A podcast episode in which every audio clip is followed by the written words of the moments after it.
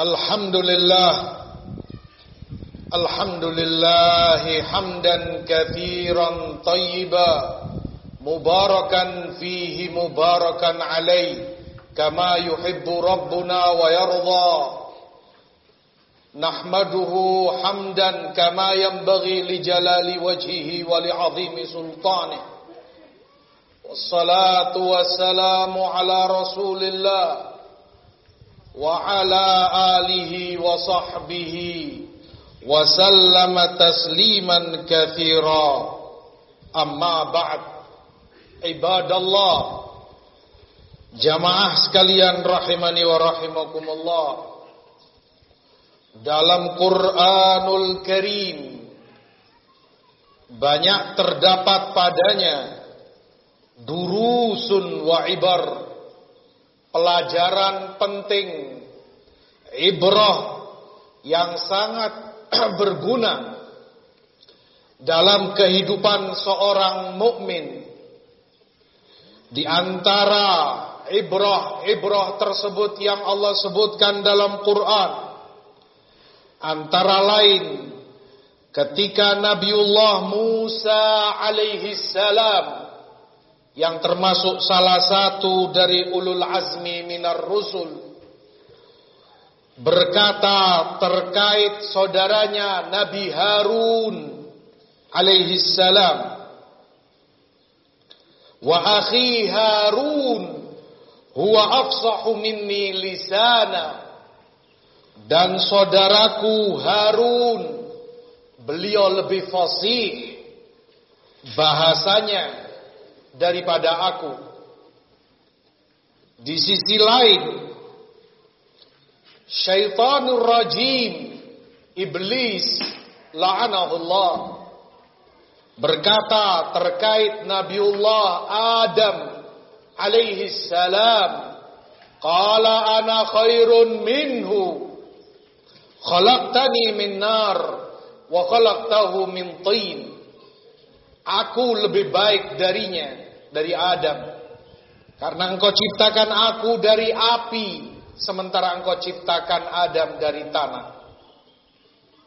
Dua ayat ini yang tentunya saling bertolak belakang memberi pelajaran kepada kita bahwa mau mengakui kelebihan yang dimiliki orang lain, mau memahami menerima keutamaan yang ada pada orang lain dan itu tidak dia miliki menjadi akhlak para anbiya alaihi wassalam. Sifat mulia yang dicontohkan oleh para rasul dan nabi Allah alaihi wassalam. Wa akhi Harun wa afsahu minni lisana. Sebaliknya, mengingkari keunggulan orang lain, menolak dan mengingkari bahwa yang selain dirinya punya keutamaan lebih darinya adalah akhlak iblis, sifat syaitan. Padahal Adam lebih mulia dari syaitan, namun tetap dia katakan ana khairun minhu. Aku lebih baik tetap darinya. Maka seorang mukmin tentu berusaha untuk meniru akhlak para nabi dan menjauh dari akhlak-akhlak sifat syaitanir rajim. Yang kedua, Allah Subhanahu wa taala mengkisahkan tentang nabinya Hud alaihi salam bersama kaumnya. Ketika kaum Nabi Hud berkata kepadanya, menolak dan mengingkari dakwah beliau. Biasa musuh-musuh dakwah bisanya hanya mencela, mencerca, fitnah dan kedustaan. Maka mereka katakan kepada Nabi Hud, "Inna lanaraka fi safahah." Wahai Hud, kami melihatmu orang yang bodoh, sevi. Kamu itu orang tolol, wahai Hud. Begitu ucapan kaumnya kepada Nabi Hud. Padahal beliau nabi yang diwahyukan oleh Allah kepadanya. Namun ibrah pelajaran bagi kita lihat jawaban Nabi Hud alaihi salam, nabi yang terbimbing dengan wahyu Allah.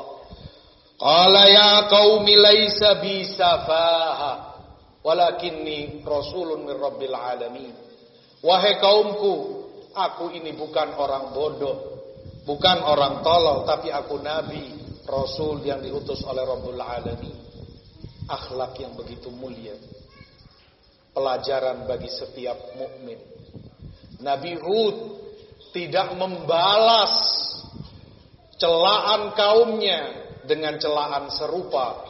Nabi Hud tidak membalas hinaan mereka dengan hinaan yang semisalnya. Tapi beliau hanya menepis tuduhan dusta, celaan, fitnah yang dituduhkan oleh kaumnya. Maka beliau ingkari, aku bukan orang bodoh. Karena itu yang mereka tuduhkan. Nabi Hud tidak berkata, kalian yang bodoh. Nabi Hud tidak berkata, ya kalian orang-orang tolol. Tetapi sebatas beliau katakan, laisa bisa, aku bukan orang bodoh. Tetapi wahyu Allah berikan kepadaku ilmu yang Allah ajarkan kepada beliau. Mulianya akhlak dalam bimbingan syariat. Begitu tingginya adab yang dicontohkan oleh para anbiya wal mursalin alaihi wassalatu wassalam. Dalam Quranul Karim pula Allah mengkisahkan kepada mukminin tentang anak dua nabi yang mulia. Nabi Ibrahim alaihissalam diperintah untuk menyembelih anaknya Ismail alaihissalam.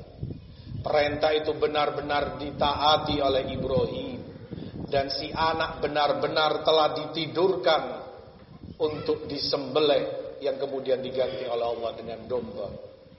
Ismail menuruti, mentaati perintah ayahnya untuk menyembelih dirinya. Demikian figur dan gambaran ketaatan seorang anak kepada bapaknya. Terkadang itu melebihi hayalan padahal itu beresiko kematian. Mengantarkan mati si anak tapi demi baktinya ketaatannya kepada orang tuanya dia taati. Sembelihlah aku wahai ayahanda. Alaihi salam. Nabi Nuh.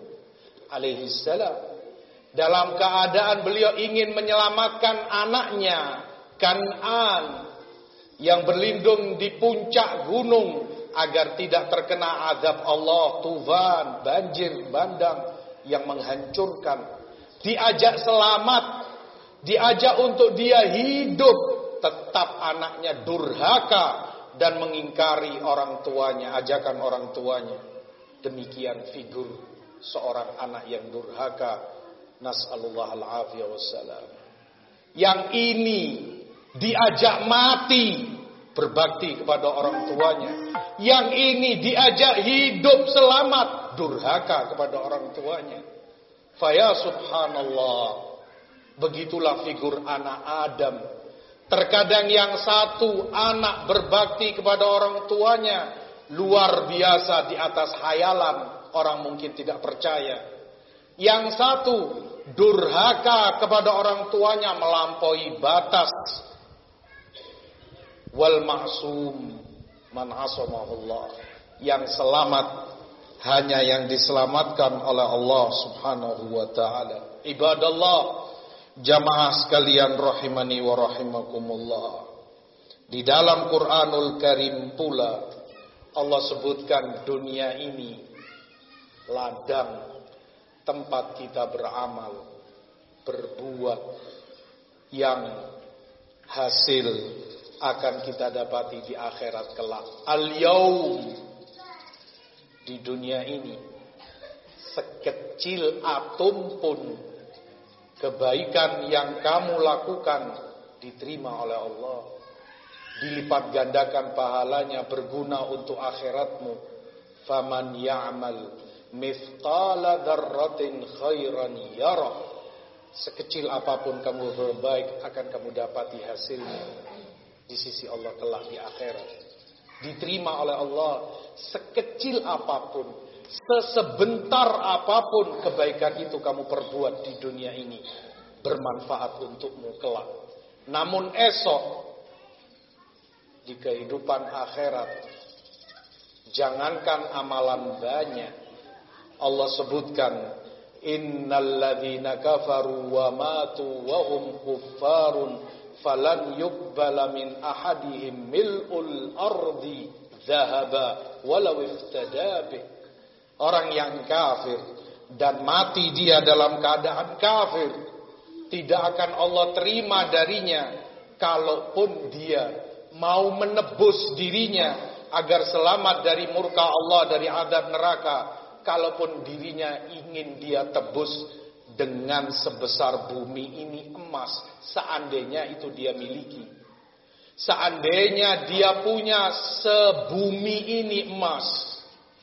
Dan itu seandainya bisa dia tebuskan agar dirinya selamat sudah tidak akan Allah terima darinya. Karena itu hari bukan kamu berbuat bukan kamu melakukan dan mengumpulkan pundi-pundi kebaikanmu. Fal amalun wala hisab. Hari ini dunia tempat kamu berbuat tidak ada hisab. Wa gadan hisabun wala amal. Tapi esok akhirat yang ada hanyalah hisab. Tidak ada kesempatan kamu berbuat apa pun. Fajtahidu fil ibadat bersungguh-sungguhlah perbanyak oleh kita kebaikan dan amal saleh karena Allah menerima dari setiap hambanya yang beribadah amal saleh dengan ikhlas padanya. Aku luma sami'tum wastaghfirullah innahu huwal ghafurur rahim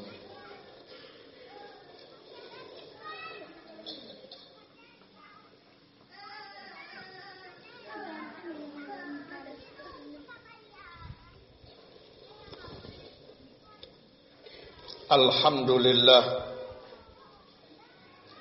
الحمد لله حمدا كما ينبغي لجلال وجهه وعظيم سلطانه والصلاة والسلام على حبيبنا ومصطفانا محمد بن عبد الله وعلى آله وصحبه ومن اتبع هداه إلى يوم الدين.